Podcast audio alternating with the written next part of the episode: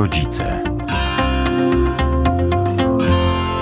Wreszcie zaczyna się nam pięknie maić maj, a wiadomo, że jak maj to Dzień Matki, gdzieś później zaraz zazębiają się te wszystkie kwestie związane chociażby ze świętem rodziny, a święto, świętowaliśmy e, przecież wczoraj i Dzień Dziecka i Dzień Taty, więc ten przełom maja, czerwca to dużo słów o rodzinie, tak jak i w naszych programach w audycji My Rodzice.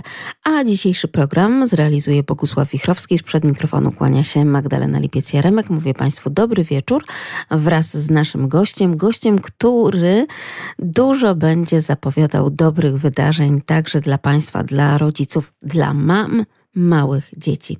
Paulina Zagojska-Zięba, dobry wieczór. Dobry wieczór. I tak oto z Pauliną będziemy mówić o grupie wsparcia dla mam małych dzieci, a taka grupa startuje w maju.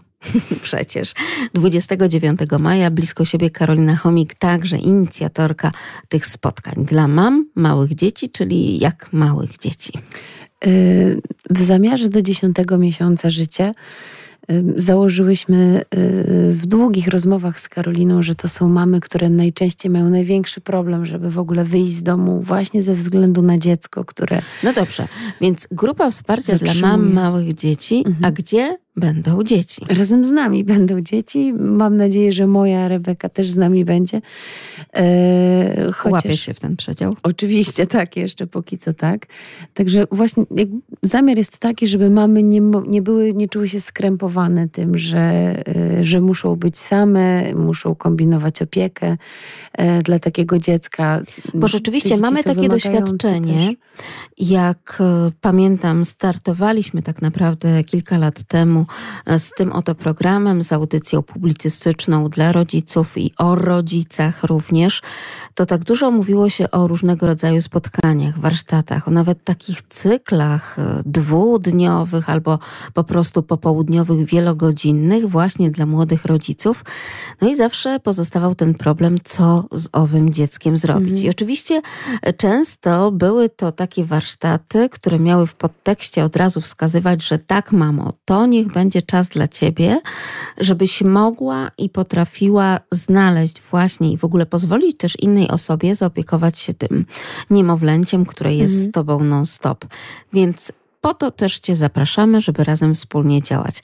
Ale wydaje się, że dużo się zmieniło przez lata, także jeśli chodzi o kwestię więzi, mhm. także tej więzi matki i bardzo małego dziecka, że to rozdzielanie nie jest takie zdrowe dla obu, uwaga, stron. Y, to jest jedna rzecz. Druga rzecz jest też taka, że często um, widzimy, um, że te młode mamy naprawdę nie mają z kim tego dziecka zostawić. E, po pierwsze, dlatego, że dzieci um, czasem trudno jest im e, przeżywać taką rozłąkę, jeżeli rzadko rzeczywiście zostają z jakimiś trzecimi osobami. To, to jest pierwsza rzecz. Druga rzecz jest taka, że nie do końca jest to potrzebne w takiej sytuacji, bo to są dzieci zainteresowane światem i tym, kto siedzi obok e, albo co leży na podłodze. I czasem wystarczy nowa jedna zabawka, żeby takie dziecko przez, nie wiem, 30 minut się nią bawiło, e, oglądało, próbowało, smakowało. E, i nie potrzebuje nic więcej. Czasem wystarczy tylko twarz drugiego dziecka do tego, żeby oni byli tak sobą żywo zainteresowani, że mamy nawet nie wiedzą, że są ze swoimi dziećmi na takim spotkaniu. I to może być odkrywcze tak naprawdę de facto dla wielu rodziców, prawda? Mhm. Bo wydaje się, że nie, nie, że to niemowlę to tak właśnie potrzebuje tej skupionej uwagi, tego rodzica, tej mamy, tej ciągłej obecności, ciągłego nadzoru i tego, że nic mi to dziecko nie da zrobić tak naprawdę. Ale czasami właśnie wystarczy zmienić otoczenie. Czasami mhm. także na przykład taki stary, dobry chwyt przy ząbkowaniu. Zaproście gości wtedy, kiedy dziecko ząbkuje, bo skupi uwagę na, na kimś innym. innym. Tak, zmieni się niejako otoczenie również mhm. mhm. jego. Te wszystkie bodźce. Tak, i wtedy taka, taka osoba e, naprawdę budzi zainteresowanie. Dziecko bardzo długo jest w stanie swoją uwagę mieć ukierunkowaną właśnie na tą nową osobę. W momencie, kiedy spotykamy się w większym gronie, kiedy to jest kilka osób, kilkoro dzieci, dzieciaki naprawdę mogą nas zaskoczyć tym, jak długo są w stanie wytrwać, albo w takim. Tu nie chodzi o ciszę, bo nikt z nas nie zakłada, że to będzie spotkanie w ciszy i dzieci będą zahipnotyzowane, siedziały i patrzyły patrzyły na nas albo słuchały tego, co mówią dorośli. Tylko bardziej chodzi o to, że mm, one właśnie y, widząc nowe bodźce, doświadczając nowych sytuacji, są w stanie e, naprawdę być zainteresowane i, chociażby, tak jak już mówiłam, tą nową zabawką, a niekoniecznie e, skupiać się na płaczu czy, czy jakimś jękoleniu o, nie wiem, nakarmienie, tak? I grupa wsparcia właśnie dlatego też się tak nazywa, że tu chodzi o to, żeby te młode mamy e, mogły zobaczyć, po pierwsze, że ktoś ma tak, tak jak ja, że ktoś mierzy się czasem z podobnymi trudnościami jak ja, że mogą zobaczyć, jak ktoś inny radzi sobie z takim małym dzieckiem, jak z nim rozmawia, jak się do niego zwraca, albo jak czasem się nie zwraca i nie, nie zwraca na nie uwagi po to, żeby dać mu przestrzeń do zabawy, na przykład do doświadczania. Kiedy y, kiedy będą mogły też zobaczyć, jak inna mama, y, gdzie stawia granice, jak je umie przesuwać, albo właśnie kiedy, y, w jaki sposób potrafi je zachowywać. Także to wszystko jest wsparcie, już sama obecność drugiej kobiety i usłyszenie jej punktu widzenia, czy tego właśnie chociażby z jakimi trudnościami się mierzy w swojej codzienności. Naprawdę mm, czasem to są znajomości, które mogą przetrwać później latami, dlatego że spotykają się dwie osoby, które po prostu idą jakby w tym samym rytmie albo mierzą się z podobną sytuacją życiową z samotnością, e, z opuszczeniem. Nie wiem, nie wiem, kto do nas trafi. Zobaczymy, czekamy na zgłoszenia. E, kilka osób już e, wysłało jakieś zapytania. Natomiast będzie to też grupa kameralna, żeby osoby, które będą w niej brały udział, żeby czuły się bezpiecznie. E, żeby też mogły właśnie tego wsparcia tak namacalnie doświadczyć, bo zawsze, kiedy jest więcej osób, to no, stajemy się coraz bardziej anonimowi, a chodzi o to, żebyśmy się e, poznały i mogły usłyszeć tak naprawdę. Grupa wsparcia dla mam małych dzieci. Linki także znajdą Państwo chociażby do zapisów na naszych stronach internetowych www.radio.lublin.pl, a te spotkania poprowadzą obecna w naszym radiowym studiu Paulina Zagojska-Zięba, przede wszystkim kobieta, żona, matka pięciu córek, która stara się złapać balans w tym zakręconym świecie rodzinnym, socjoterapeutka, pedagogzka i realizatorka szkoły dla rodziców i wychowawców, terapeutka pedagogiczna, nauczycielka edukacji wczesnoszkolnej, więc rzeczywiście tutaj widzimy ten trzon nadbudowy i podbudowy i Karolina Chomik, pedagog, trener, wspiera dorosłych i dzieci w budowaniu relacji opartych na szacunku i empatii. Od kilkunastu lat pracuje z dziećmi, rodzicami i nauczycielami. Prowadzi warsztaty, szkolenia, także konsultacje indywidualne, więc z takimi ekspertkami jest szansa na spotkanie. Ja wierzę, że taka, wzburcie, e, że taka grupa wsparcia dla mam małych dzieci, tak naprawdę rozpoczynając ten cykl spotkań, no właśnie, będzie potrzebna być może często, prawda? Mhm. Bo za każdym takim spotkaniem rodzą się nowe pytania, chociażby kwestia tego, o czym zaczęłaś mówić, że często te mamy mieszkające no, w dużym nomen omen mieście, jakim jest Lublin, tak, w stolicy województwa, nie mają tak naprawdę także z tego względu z kim zostawić dzieci, bo są to często ludzie z różnych stron Polski, świata chociażby, mm -hmm. prawda? Mm -hmm. Teraz zupełnie inaczej ten model rodziny wygląda i być może dziadkowie są setki kilometrów stąd, więc chociażby z tego względu także takie wsparcie od innych kobiet, które już przeszły jakieś etapy właśnie wychowania swoich własnych dzieci, mogą służyć tym wsparciem mhm. i radą. Ja też spotkałam się z sytuacjami, gdzie dziad, jakby mamy też inny model e, bycia dziadkiem i bycia babcią. E, I czasem zdarza się, że dziadkowie sami odcinają się od tych maluchów, nie? I jakby wcale nie do końca chcą zostawać wtedy, kiedy na przykład mama prosi, e, mama tego małego dziecka prosi o pomoc. Okazuje się, że no bo opieka nad takim dzieckiem jest po prostu wymagająca, czasem męcząca, tak fizycznie. I, i gdzieś mm, nie wiem, no jakoś zmienia się po prostu model e, tego bycia babcią i by, bycia dziadkiem. Ja doświadczam ogromnej pomocy i chciałabym też tego, to przekazywać dalej. E, doświadczam też takiej pomocy mama mamie na takiej zasadzie, że wiem, mam takie koleżanki, jedną z nich jest choćby Karolina, że gdybym miała sytuację podbramkową, zawsze mogę do niej zawieść moje dzieci i, i wiem, że jeśli tylko będzie w domu, to z nimi zostanie. Więc to są, mm, to, to, są, to jest takie miejsce, taka, taka grupa, w której właśnie może, mogą się na, zawiązać znajomości, dzięki którym e, ta mama będzie mogła w końcu e, komuś dziecko na te kilka godzin powierzyć. I okazuje się, że kiedy jesteśmy już mamami i doświadczamy w ogóle e, tego macierzyństwa, tej codzienności w macierzyństwie. Ja ostatnio usłyszałam od moich starszych córek, mamo, przecież ty jesteś na urlopie.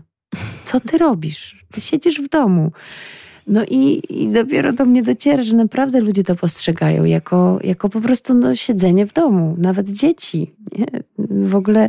I to nawet twoje no, własne. No, właśnie o to chodzi. Widząc ten rozgardiaż domowy i to, jak wielu domowników masz tak naprawdę pod sobą jako zarządzająca. Domem. Trochę tak, dokładnie. Natomiast to, to jest niewidoczne y, w momencie, kiedy, kiedy wszystko się kręci tak? Jak e, ten... Jak tąpnie. Dokładnie, jak ta osoba nagle, nie wiem, zachoruje, e, wyjedzie, e, ma szkolenie, czy zaczyna jakiś, czy wróci do pracy, to dopiero wtedy widać, jak się działa w domu.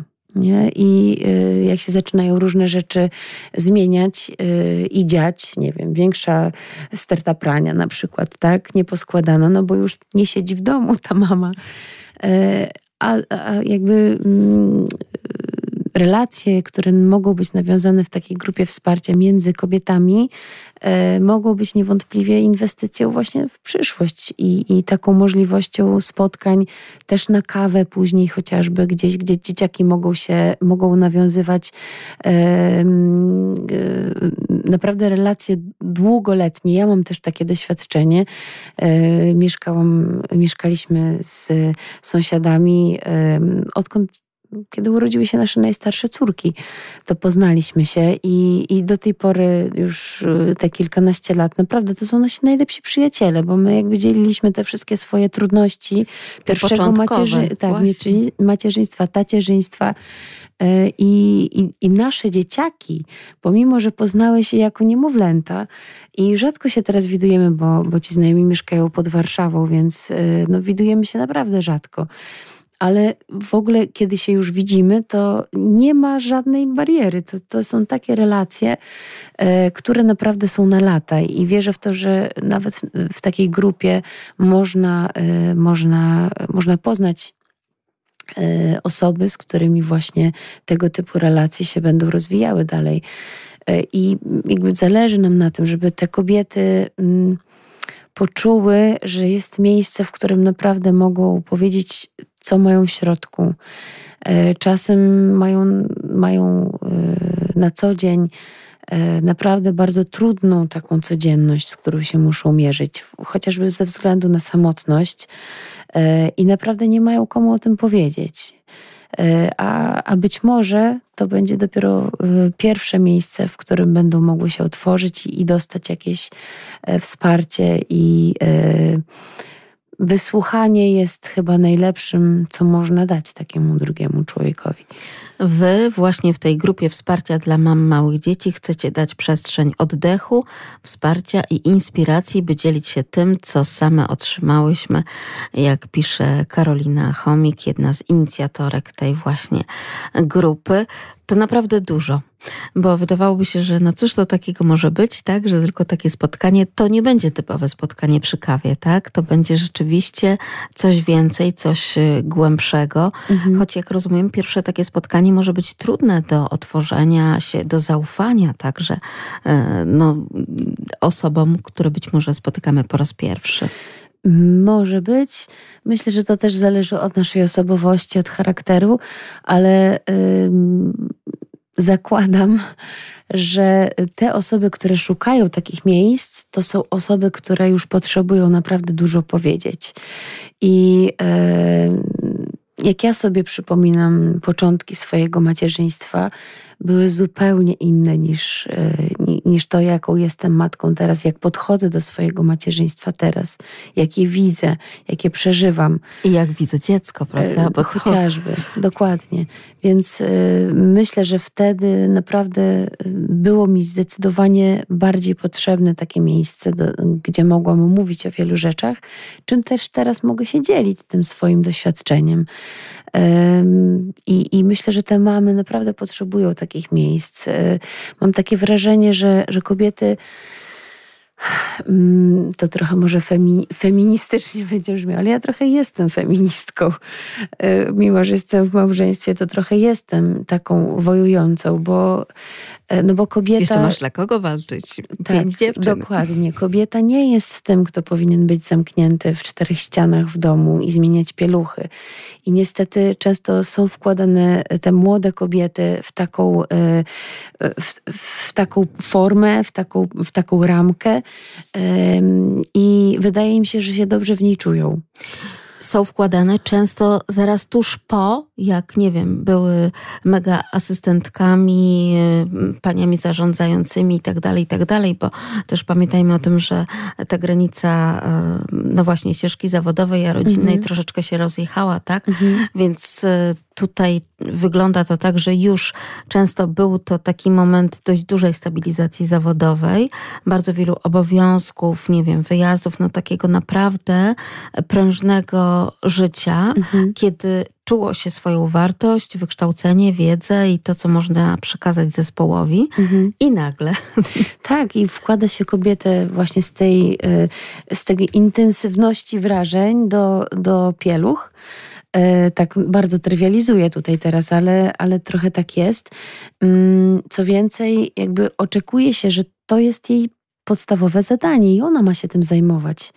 E, niejednokrotnie słyszałam e, sytuacje, kiedy tata nie zmienia pieluchy z kupą albo nie przebiera dziecka, któremu się odbiło i, i ulało. E, że to jakby jest zadanie kobiety. Ona jest tą, która takie rzeczy robi.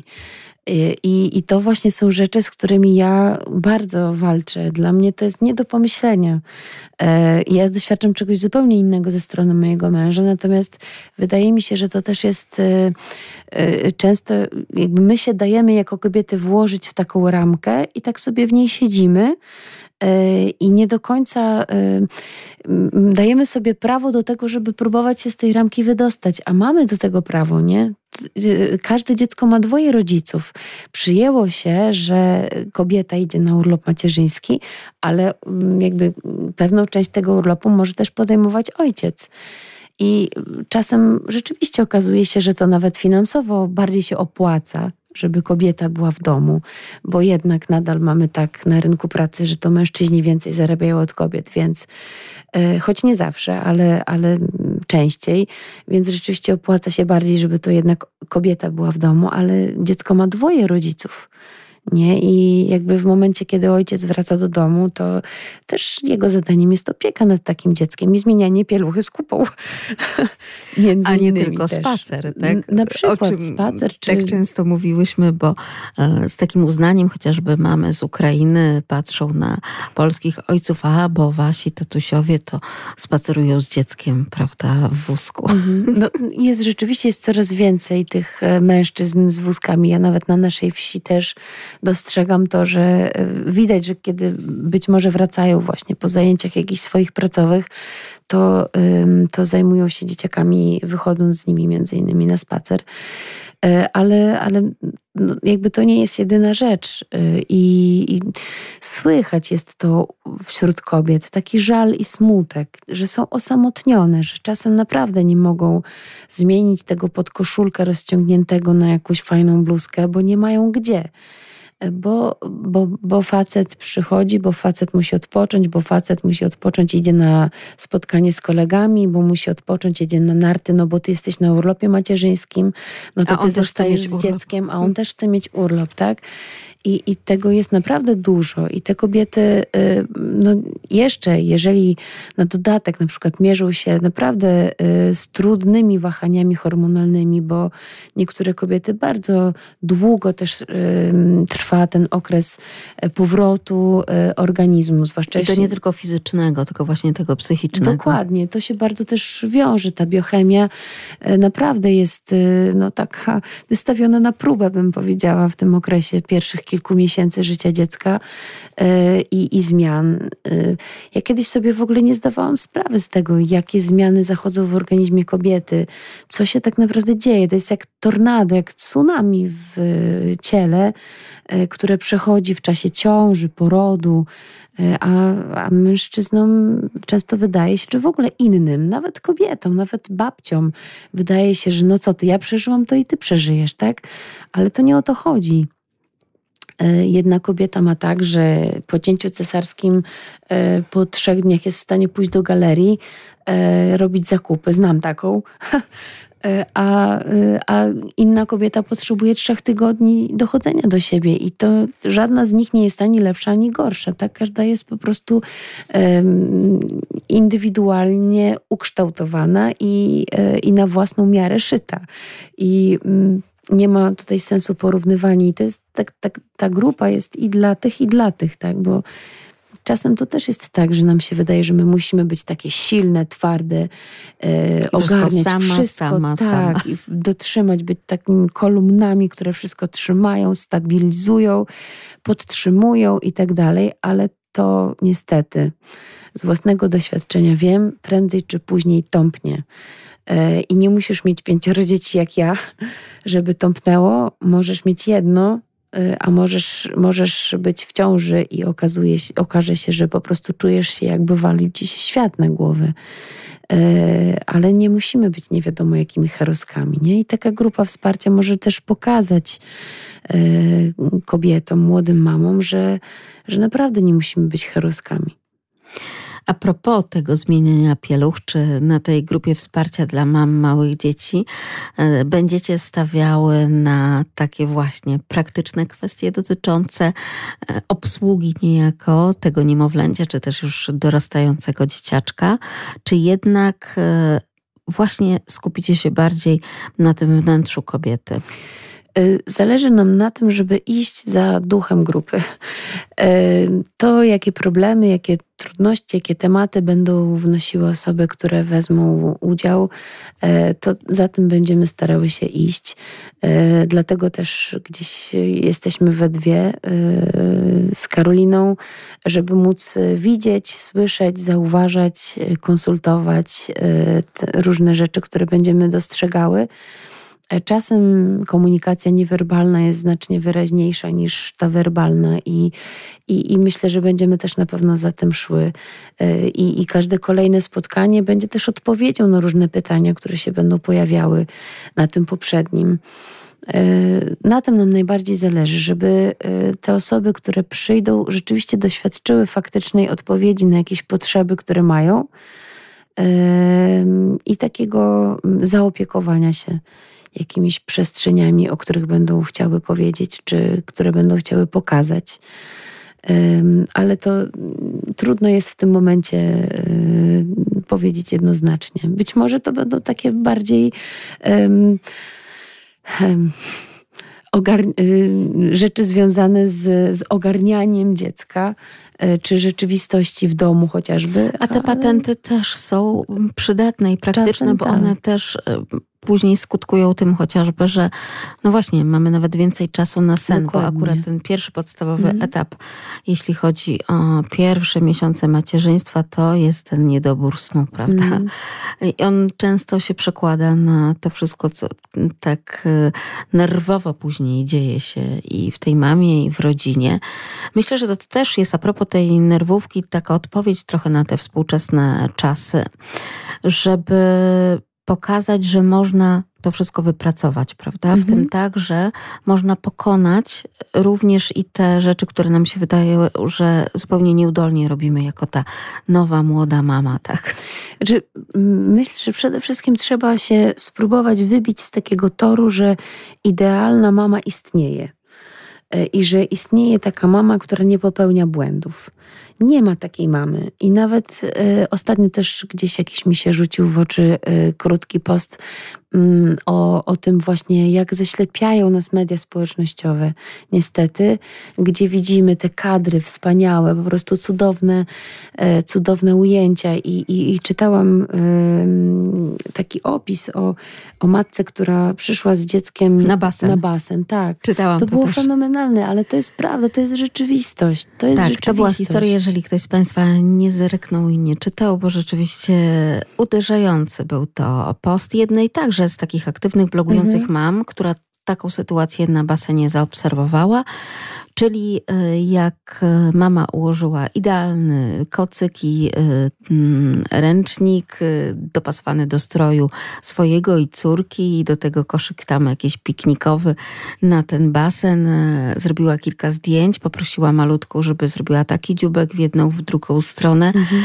Później rozsyłała właśnie w mediach społecznościowych te wszystkie zdjęcia, a to dziecko ciągle pytało, mamo, mamo, czy mogę już wejść do wody, czy mogę się w końcu końcu pobawić, a czy wejdziesz ze mną? Tak, i niestety nie otrzymało. Nie mama tak, do wody. Tak, i nie otrzymało takiej e, w ogóle odpowiedzi ani uwagi. Mhm. Ta uwaga była tylko wtedy, kiedy mama się pięknie fotografowała, i tu można sobie wyobrazić, jak pisze ta autorka postu, że padały opisy, to ja z moją córeczką i tak cudownie, aktywnie spędzamy czas, mhm. jesteśmy na basenie, a tak naprawdę de facto przyszłyśmy tam zrobić sobie te zdjęcia, to selfie.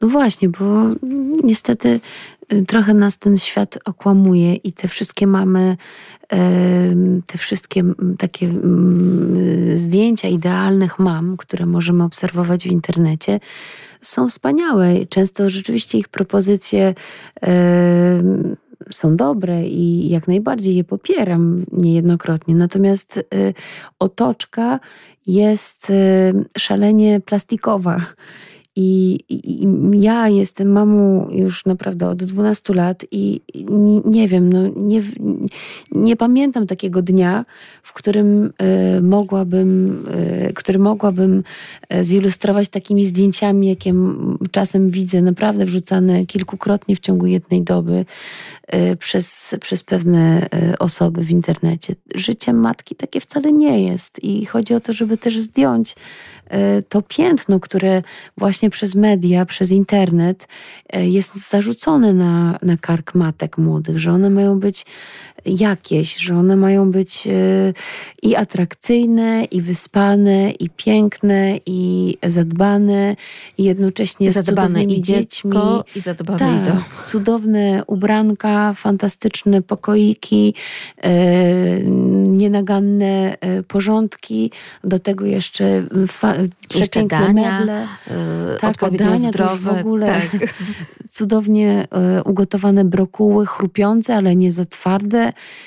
i naprawdę to, tego wszystkiego jest tyle, że można, jeśli jest taka młoda mama, która jest sama w tym świecie e, i, nie ma dookoła, no bo jednak dużo ludzi też rezygnuje z macierzyństwa e, dziś. I, i okazuje się, że w rodzinie czy w otoczeniu, wśród znajomych jest jedno dziecko i jedna jakaś osoba, która zostaje mamą i nie ma kogo zapytać nawet o jakąś radę, a jeszcze kiedy dziadkowie są nieobecni albo na przykład nie żyją, jest, so, mamy różne sytuacje życiowe, to naprawdę ta kobieta może czuć się bardzo, bardzo obciążona. Ale też matki rywalizują również i, i właśnie. E, poprzez te zdjęcia. No kiedyś ta rywalizacja, jeśli nie było internetu, odbywała się na placu zabaw. Mhm. A moja Zuzia, a mój Jasio, tak. Mhm. E, czy gdzieś tam w rozmowach takich przed szkołą. Natomiast teraz, no to już jest cały wszechświat no do dyspozycji, żeby mhm. chwalić się, prezentować swoje własne dziecko, ale też y, no, pokazywać, rywalizować. Patrz, co ja już zrobiłam, co mi się mhm. udało tutaj z moim dzieckiem tym zrobić. Tak, ale jak sobie myślę o swojej historii e, internetowej, e, to mm, nie da się dwóch rzeczy robić jednocześnie. Nie da się jednocześnie być obecnym rodzicem, e, tak naprawdę obecnym i jednocześnie być bardzo obecnym w mediach społecznościowych. Według mnie to jest niemożliwe.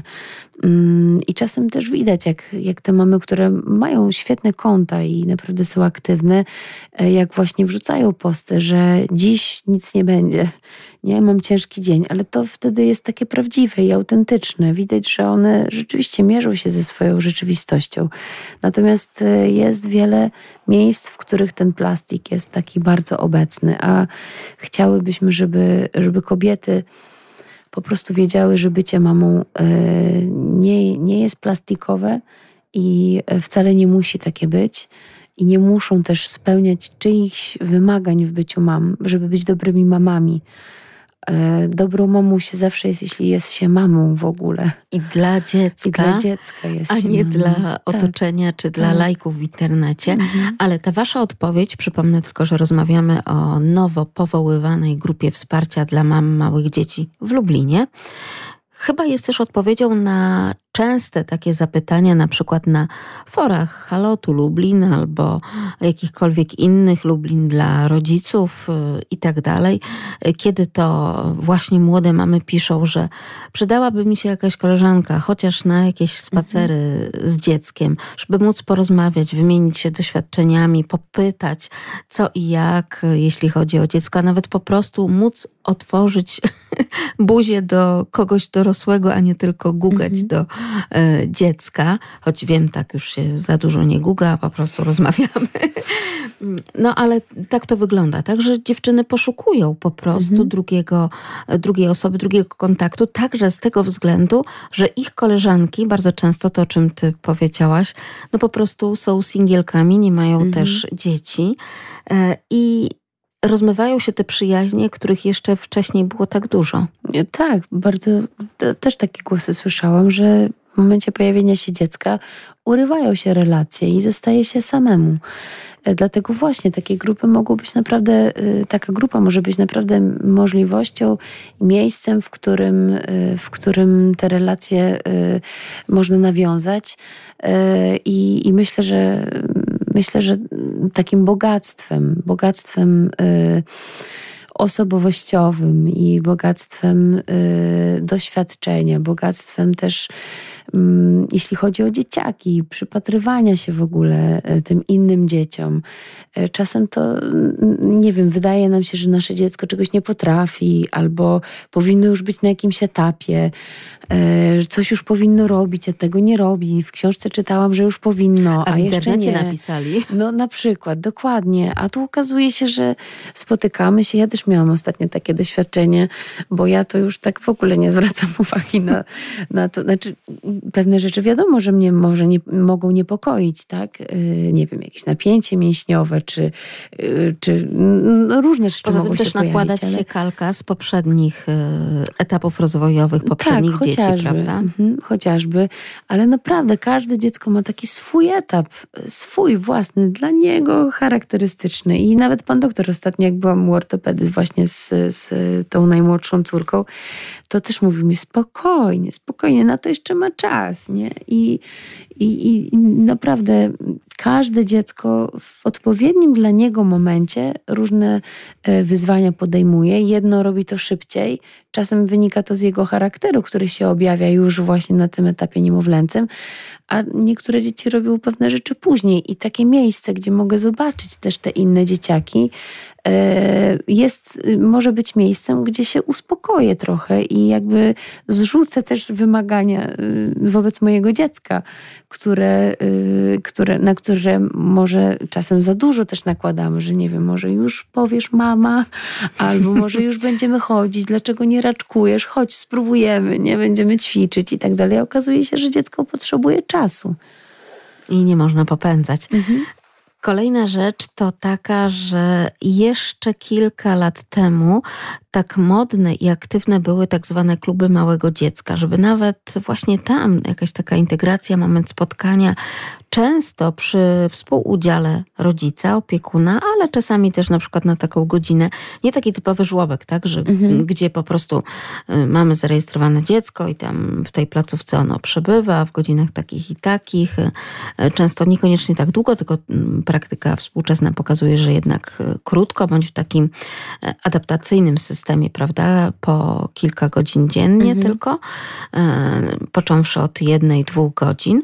Natomiast e, te kluby małego dziecka no chyba zostały przetrzebione również przez czas pandemii i takie zapytania też się pojawiają często na różnego rodzaju forach, także na forach dla niań, czy coś takiego jest, czy istnieje, czy do tego można by było powrócić. No właśnie chodzi też o taką integrację wtedy, kiedy dziecko jest samo, prawda? I nie ma rodzeństwa. I dobrze by było, żeby mogło razem wspólnie zareagować na inne dzieci. Mhm. Tak, bo czasem nawet na placu zabaw jest trudno, bo różni ludzie przychodzą do tych A ostatnio pojawiają się ogłoszenia, że na ten plac zabaw to przychodzą tylko dzieci z apartamentowca, a te z bloków nie powinny tu wchodzić. No właśnie. tak. Nie wiem, pozostawię to bez komentarza w ogóle. Ale no, dokładnie, no i, i tak się segregujemy nawzajem, porównujemy, bo być może w gorszych ubraniach by przyszły, albo nie wiem, z dziurą na kolanie. Ja w, tylko w takich ubraniach wypuszczam dzieci na dwór, żeby w kolejnych nie było dziur. Ale yy, ale no, no to porównywanie, takie segregowanie właśnie, takie podziały, to jest bardzo, bardzo takie obecne. Ja też to widzę w ogóle w tych moich starszych dziewczynach. To porównywanie w szkole jest y, jeszcze w szkole, w której ja pracuję, o tyle jest łatwiej, bo mamy mundurki. Natomiast w szkole takiej ogólnodostępnej jest to trudniejsze, bo zawsze, zawsze będzie ten podział. I to samo w, e, wkładamy już na etapie niemowlęcym. Czasem jak widzę te biedne dzieci, które siedzą w piaskownicy, w jeansach, w koszulach, w takich jeansowych kurteczkach na przykład. Jejku, no ja, ja szczerze współczuję tym dzieciom, dlatego że one nie mogą się wtedy swobodnie bawić swoim ciałem, tymi zabawkami, bo tu sama wiem, jak się czuję, kiedy jestem kiedy założę marynarkę. kiedy założę marynarkę. Dokładnie. Jest to po prostu niekomfortowe do tego, żeby bawić się na przykład na zjeżdżalni, czy, czy nawet w piaskownicy. A te maluchy takie y, roczne, powiedzmy, właśnie Wystrojone. są tak... Tak. I, i przekładamy przykładamy wagę do rzeczy, które nie do końca y, rzeczywiście są ważne dla naszych dzieciaków, a do tego, co istotne, y, nie przykładamy tak dużej wagi i na przykład dajemy dzieciakom za wcześnie telefon, tak. To też ostatnio mm, z jakimś, chyba na studiach rozmawialiśmy o tym, że właśnie nasz wykładowca widział mamę z, mówił, że no nie mogło mieć to dziecko więcej niż 6 miesięcy i miało przyczepiony na specjalnym statywie telefon do wózka w sklepie. Nie? Więc to są po prostu straszne rzeczy, które robimy swoim dzieciom. Natomiast są te dzieci pięknie ubrane, niewątpliwie. I zadbane pod takim względem y, y, infrastruktury, chociażby jeśli chodzi o nasz dom, y, wystroju, wnętrz y, i, właśnie zaopatrzenia, jeśli chodzi o, o ubrania. Natomiast y, w innych kwestiach jest trudno. I czasem też ta młoda mama może nie wiedzieć, w co zainwestować rzeczywiście, a, a co po prostu pozostawić. Mówi się ostatnio o tym, że dobrze by było przeprowadzać różnego rodzaju szkolenia i warsztaty dla rodziców z jakości spędzanego czasu z dzieckiem i uczyć nie takich kompetencji związanych no, z czymś, co tak nam się bardzo naukowo może kojarzyć, ale tak po prostu z tego, jak bawić się klockami na dywanie, Mhm. Jak na nowo, nie wiem, turlać się właśnie e, z górki po trawie i tak dalej, i tak dalej. Mamy dużo grań, takich barier jako rodzice i jest nam trudno być e, spontanicznymi wobec naszych dzieci, a właśnie ten, ta spontaniczność i takie wchodzenie e, w proste zabawy, które czasem nawet nie wymagają klocków, jest zdecydowanie, mm, no, zdecydowanie atrakcyjniejsza dla dziecka. No, ale jakoś tak trudno jest nam I taka też mm, wartościowsza, no i najważniejsze, że to no tak, jednak tak, jest ten rodzic, prawda? I właśnie, tak, tak, ten kontakt, nawet ciało do ciała, to nie wiem, leżenie wspólne na dywanie, kiedy przyklejone są do siebie ramiona, mm, to są takie bardzo proste rzeczy, ale, ale naprawdę czasem mm, wystarczy kij i piłka, i żebyśmy do siebie tymi kijkami y, piłkę turlały, ale to jest śmiech, zabawa i, i po prostu obecność e, nasza no nie, nie jest wtedy, kiedy ja siedzę obok i szyje na maszynie, a ty siedzisz obok i układasz klocki. Nieobecność jest wtedy, kiedy może jeśli nie lubisz układać klocków z dzieckiem, a ono nie do końca lubi szyć, no to możecie usiąść nie wiem, wspólnie poczytać książkę albo pokolorować tą samą kolorowankę, albo coś wspólnie narysować, albo po prostu y, pójść na spacer. Ale no niestety, to, to zaangażowanie jest wymagane od rodzica. Musimy zadziałać, żeby ta relacja zaistniała. Nie da się relacji zbudować w momencie, kiedy nie ma działania. To, to jest po prostu niemożliwe. Ktoś ze znanych mi rodziców przeprowadził takie doświadczenie, że przeniósł się e, właśnie z laptopem, no bo jednak gdzieś tam jakieś e, rzeczy zawodowe czasami też w domu trzeba e, zrobić, do pokoju swoich dzieci, tam na jakiś krótki czas na przenośnym stoliczku tym laptopowym. I nawet samo takie zniżenie się do takiego poziomu, że jednak przed krzesełkiem, że nie traktował tego pokoju, a do tej pory tak traktował, że to jest ich oddzielne pomieszczenie, więc tutaj dzieci e, są same i tam świetnie sobie radzą, nawet nie wiem, mhm. kiedy odrabiają lekcje czy coś takiego. I że można troszkę podzielić tak, tej uwagi nawet na to, że e, po prostu jest się na tym samym poziomie e, krzesełek przy biurkach, przy których dzieci pracują, a tutaj też każde takie odwrócenie się od tego biurka i coś tam dopytanie, albo to, albo tamto, to mhm. pokazywało, jak bardzo dzieci cieszy nawet taka obecność. Tak, jak najbardziej. Wiem, że w Twoim idealnym świecie by było też tak, żeby ten laptop był odłożony. Nie, y, absolutnie. U nas w domu też różne rzeczy się y, dzieją, nie? I czasem jesteśmy naprawdę pochłonięci różnymi obowiązkami. To nie jest tak, że ja jestem mamą, która. Ja na przykład nie lubię się bawić klockami czy lalkami Barbie. Po prostu dla mnie to jest zmora. Ja tego nie cierpię robić, więc wolę, zawsze próbuję tak zaaranżować sytuację, żeby zrobić coś innego, nie? Wolę czytać, wolę rysować, wolę malować farbami, wolę um, chociażby pójść na spacer.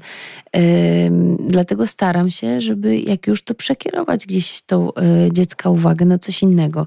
A jeżeli ono jest zaoferowane i na przykład chce układać klocki, to też siadam obok i na przykład e, robię to, co. Czy, czy proszę, żeby przyszło z kolorowaniem do kuchni, a ja gotuję obiad, tak?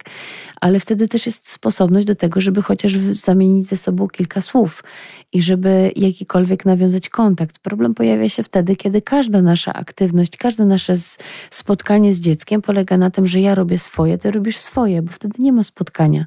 Spotkanie jest wtedy, kiedy my podejmujemy jakiekolwiek działanie. I e, dlatego część rodziców jest naprawdę mocno zmęczona byciem rodzicem, ponieważ e, to działanie jest bardzo intensywne i dużo robią. E, a niektórym się wydaje, że no wcale nie jest tak trudno być tym rodzicem, nie? No tu laptop, tam komórka, tu nie wiem, mają wszystko, tu telewizor, tak.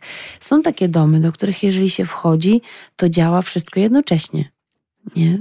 I, I to jest, i wtedy takie dziecko, na przykład kiedy idzie do szkoły i nie ma tych bodźców, nie jest w stanie się skupić, nie jest w stanie pracować, być, pracować e, tak, bo, bo jest tak bardzo rozstrojone, zwłaszcza jeżeli okazuje się później na przykład w wywiadzie, kiedy się przeprowadza wywiad e, z, z takimi rodzicami, że te nośniki były obecne w życiu dziecka już od wczesnych miesięcy tych niemowlęcych. Mm, czasem zdarza się teraz, kiedy właśnie jestem na studiach podyplomowych, y, ostatnio usłyszałam o tym, że czasem objawy autyzmu nawet mogą pojawiać się u dzieciaków, które są, które, mm, na które ukierunkowane jest dużo tego niebieskiego światła przez wiele godzin dziennie od wczesnych tych właśnie miesięcy e, dziecięcych. I okazuje się, że dzieci mają objawy jakby ASD i w momencie, kiedy wycofujemy różne rzeczy, to okazuje się, że dziecko zaczyna uaktywniać zupełnie, zupełnie inne swoje możliwości i jest naprawdę e, zdecydowana zmiana. Jesteście trenerkami, pedagogzkami, też yy, tak się zastanawiam, czy któraś z mam, przychodząc na taką grupę wsparcia, yy, mogłaby się obawiać, że tu też jakąś diagnozę też chcecie postawić na niej, na jej macierzyństwie, czy na jej dziecku. To nie o to chodzi, tak? Nie, my chcemy się po prostu dzielić tym, czego może też same nie mogłyśmy doświadczyć na początku, czyli usłyszeć od życzliwych ludzi nie jak mają nie robić, tylko jak można. Jak można spróbować inaczej, albo jak można po prostu, albo że ta druga osoba ma naprawdę tak samo jak ja. Nie? I, I przede wszystkim dla mnie najważniejsze jest to, żeby ta mama zobaczyła, że nie ma idealnych mam i że każda mama jest wspaniała. Jeżeli chce coś zrobić, jeżeli myśli o tym, żeby przyjść na taką grupę, to już y, znaczy, że jest wspaniałą mamą, bo szuka miejsca, w którym może mm, naładować swoje akumulatory, w którym może wypełnić ten swój kubeczek, y, żeby on, żeby miała się z czego, czym dzielić. Bo trudno jest być mamą i trudno jest y, jakby dawać i opiekować się tym małym człowiekiem w momencie, kiedy ja mam pusto, kiedy ja po prostu czuję, że ja nie mam z czego dawać, kiedy moje zasoby się wyczerpały. I to miejsce chcemy, żeby było właśnie miejscem spotkania i nalewania do tych kubeczków i ładowania akumulatorów. Oby tak to było, oby Bardzo się to zapraszamy. E, spełniło, także te wszystkie Wasze zamierzenia jak najbardziej. Ja tylko przypomnę, że ta grupa startuje 29 maja. Generalnie e, obieracie taki rytm spotkań poniedziałki, tak? Tak, w poniedziałki od 10.30 w pracowni blisko na ulicy Matki Teresy z Kalkuty i zapisy, mm, zapisów można dokonywać przez e, maila. Mm. Ale też na portalach społecznościowych tak, można są, również dokładnie. znaleźć właśnie grupa mhm. wsparcia dla mam małych dzieci. Dokładnie tak brzmi ta grupa i tak jak tutaj zaznaczałaś, to niekoniecznie musi być pełna klasa, w sensie 32 osoby, tak na przykład. Zdecydowanie nie. E, tylko nawet kilkoro, tak? Tak, to, to będzie kilka kilka, takie mamy zamierzenie, żeby to było kilka osób i, i żeby to było miejsce, w którym e, po prostu będziemy czuć się e, bezpiecznie i też będzie można się w ogóle poznać. Bo Ale też poczuć to zaopiekowanie tak, po tak, prostu. Tak, tak, żeby można było się zaopiekować tymi e, przestrzeniami, które tego potrzebują. Tak, i też i, i tymi dziećmi, które gdzieś, jak rozumiem, będą tam pełzały być może po dywanie. Myślę, że dzieci będą nam najmniej przeszkadzać w tych spotkaniach.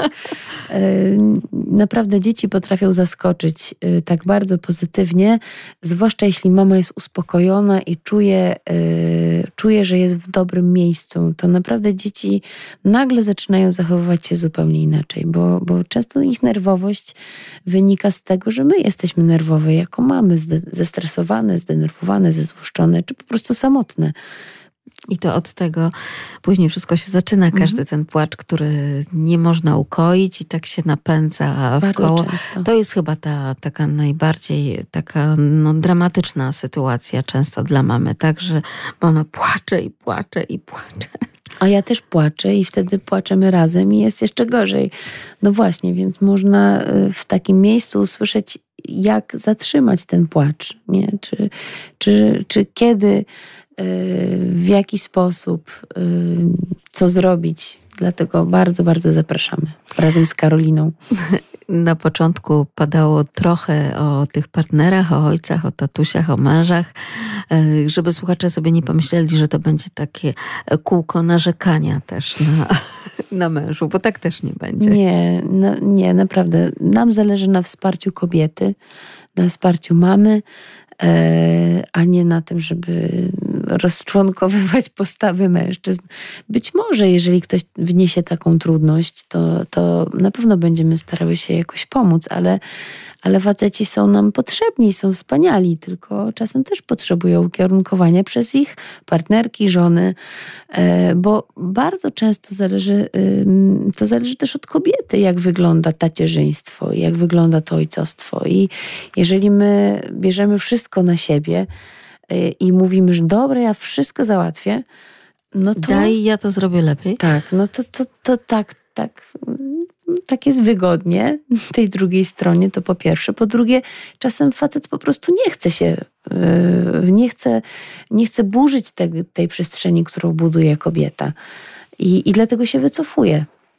A szkoda, bo nie wie, co no. traci, prawda? I to też czasami warto uzmysłowić jednej i drugiej stronie. I właśnie Także... nie wiemy, co my tracimy jako kobiety. tak, czasem. więc te odważne mamy, które chciałyby przyjść się spotkać, e, podczas e, takich rozmów e, w grupie wsparcia dla mam małych dzieci, to na początek te najodważniejsze zapraszamy, a później ten marketing szeptany może zostanie przekazany. Zresztą często tak jest, a no to ja też mam może taką koleżankę, może taką sąsiadkę, której również e, takie wsparcie i takie spotkanie się przyda. Paulina Zagojska-Zięba i Karolina Chomik organizują tę grupę, grupę wsparcia dla mam małych dzieci, a ja wierzę, że po tych pierwszych e, spotkaniach spotkamy się, żeby tutaj popowiadać, jak to jest z tymi młodymi, nowymi mamami, z jakimi problemami przychodzi im się borykać i komu jeszcze i jak możemy pomóc, tak jak to przecież w naszym programie w audycji My Rodzice bywa.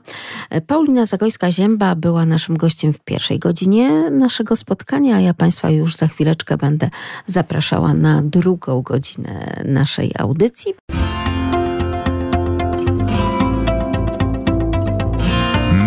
Rodzice. I tak oto przyszło mi powitać Państwa już w drugiej godzinie naszej audycji, 6 minut po godzinie 23 i przechodzimy do kolejnych ocen i stopni. Zamiast oceny za sprawdzian, klasówkę czy kartkówkę, rozmowa. To pomysł Fundacji Szkoła bez ocen, która pod hasłem Weź mnie doceń, a nie oceń, od trzech lat prowadzi konferencje i szkolenie mające zmienić polskie szkolnictwo. Chodzi po prostu o przestrzeganie prawa oświatowego w szkołach publicznych i niepublicznych, bowiem ocena w szkole ma być informacją zwrotną, która pomaga uczniowi w uczeniu się, tłumaczy Jarosław Durszewicz z Fundacji Szkoła bez ocen. Zależy nam na tym, aby w całej Polsce rozpocząć społeczną dyskusję na temat oceniania. Chcemy usłyszeć głosy zarówno zwolenników, jak i przeciwników stawiania oceny cyfrowej, dodaje Justyna Durszewicz, również z Fundacji Szkoła bez ocen. W Lublinie także odbyła się taka debata dotycząca ogólnopolskiego projektu Szkoła bez ocen. W wydarzeniu wzięli udział dyrektorzy, nauczyciele, przedstawiciele władz samorządowych, rodzice i uczniowie, w tym także szkoły, które zlikwidowały stopniowy system oceniania. Mówi Jarosław Durszewicz, który między innymi poprowadził właśnie ten panel, nasz lubelski panel, w ramach projektu Fundacji Szkoła bez ocen. W panelu ekspertów zasiądą. Zapraszam pana Mirosława Wójcicha Lubelskiego, wicekuratora oświaty. Zapraszam panią dyrektor Aleksandrę Sempoch, która też zasiądzie. Tym razem silnie będzie reprezentowane kuratorium.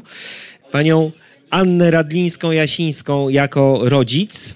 Zapraszam Małgorzatę Gałus, y, reprezentanta Urzędu Miasta Lublin, Wydział Współpracy Międzynarodowej, ale jednocześnie rodzic. Małgosia była organizatorką konferencji y, właśnie Edukacja to relacje, która z Islandią się tutaj bardzo nawspółpracowała. Tomasz Szabłowski, znany wszystkim, dyrektor 30 Liceum Ogólnokształcącego w Lublinie. Od razu ciągnie, ciągnie Alicję.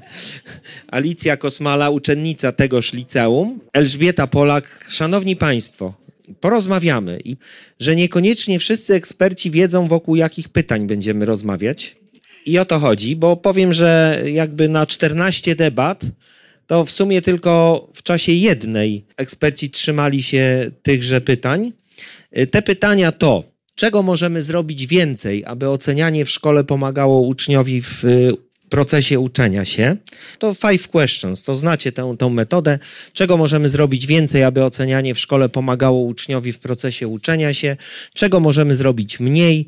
Co możemy zrobić inaczej? Co możemy przestać robić?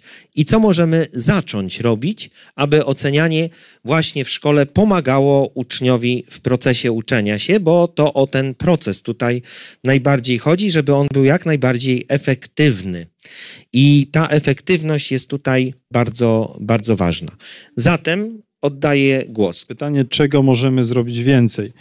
E, tutaj już e, z Panem zacząłem rozmawiać. Ja bym rzeczywiście tutaj się skupił bardzo na tych relacjach, bo e, bardzo ważne jest to, żeby poznać swoich uczniów, ale nie tak na takiej zasadzie, jak to się robi, prawda, że no to teraz przedstawcie się, ty jesteś Jasia, ty jesteś Małgosia, aha, no to tam powiedz coś o sobie i tak dalej. No nie, nie o to chodzi. Chodzi o to właśnie, żeby, e, żeby często rozmawiać, żeby pytać uczniów o nie wiem, o cokolwiek, niekoniecznie też o ich zainteresowania, ale o to, co ich, nie wiem, w tym momencie zajmuje, czym się, czym się w tej chwili e, interesują. I dobrze byłoby rzeczywiście mieć taki czas e, dłuższy na takie porozmawianie sobie z uczniami i znalezienie czasu na porozmawianie z uczniami, tak żeby ich dobrze poznać. I dopiero wtedy wchodzić w taki proces e, uczenia się albo, albo robić to po prostu tak E, równolegle. E, myślę, że bardzo dobrym pomysłem i jest dużo takich szkół, które to realizują. Bardzo dobrym pomysłem jest coś takiego, że na przykład na początku roku szkolnego sobie gdzieś tam wyjeżdżają. Prawda? Na przykład, nie wiem, na kilka dni. myślę, że że te kilka dni to byłoby dobrze, bo wtedy na, jak, jak, jest, jak jest nocleg, jak człowiek musi też wykazać się tym, że e, umie się sam umyć, że umie sobie zrobić na przykład sam kanapkę i tak dalej, albo że mogą sobie pomóc zrobić kanapki, e, no to, to też się nawzajem jakoś tam poznają. I ja z doświadczenia swojego jako nauczyciel powiem, że najlepiej poznawałem swoich uczniów zawsze na wycieczki i zawsze bardzo lubiłem jeździć z uczniami na wycieczki. To była taka taka część pracy nauczyciela, kiedy rzeczywiście wtedy się bardzo dobrze tych uczniów e, poznawało i oni też bardzo dobrze mnie poznawali. Chociaż myślę, że akurat ja należałem do takich nauczycieli, którzy dawali się poznać też i w szkole dosyć dobrze. Natomiast e, w takich okolicznościach uczniowie też stają się troszeczkę odważniejsi w innym miejscu, w innej przestrzeni, kiedy to nie są mury szkolne. E, to też trochę łatwiej jest im o coś zapytać, poruszyć jakiś problem. Więc czego możemy zrobić więcej? Wydaje mi się, że, że możemy więcej stworzyć okazji do tego, żeby móc się lepiej poznać z naszymi e, uczniami. To od tego można byłoby zacząć. To ja skorzystam z okazji, zanim pan dyrektor uruchomi, ja bym w ten proces poznawania uczniów włączyła też rodziców, bo to jest dla nas nieocenione źródło informacji o dziecku. Ja tylko chciałem powiedzieć, że z zupełności się zgadzam. Zawsze powtarzam, że wychowanie dziecka, czy swojego, czy, czy w szkole, wymaga po prostu czasu. Trzeba z nim tego czasu jak najwięcej spędzić. Tu nawet sobie zapisałem takie zdanie, bo padło, że nauczyciele potrzebują czasu.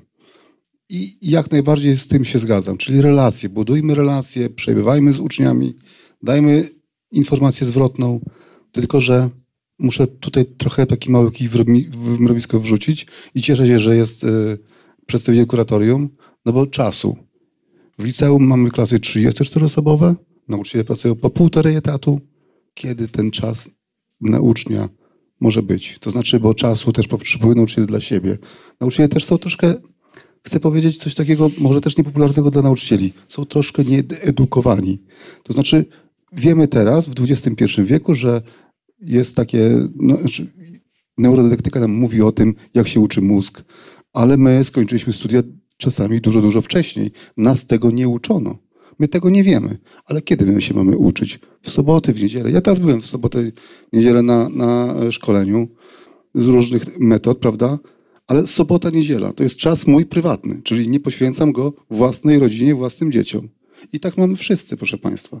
I to są te ograniczenia, które nam się rzucają. Także cieszę się, że pan kurator jest, bo Chcielibyśmy uczyć w klasach 20-osobowych, mieć 20 godzin dydaktycznych i spędzać czas rzeczywiście z rodzicami, z uczniami, rozmawiać o tym.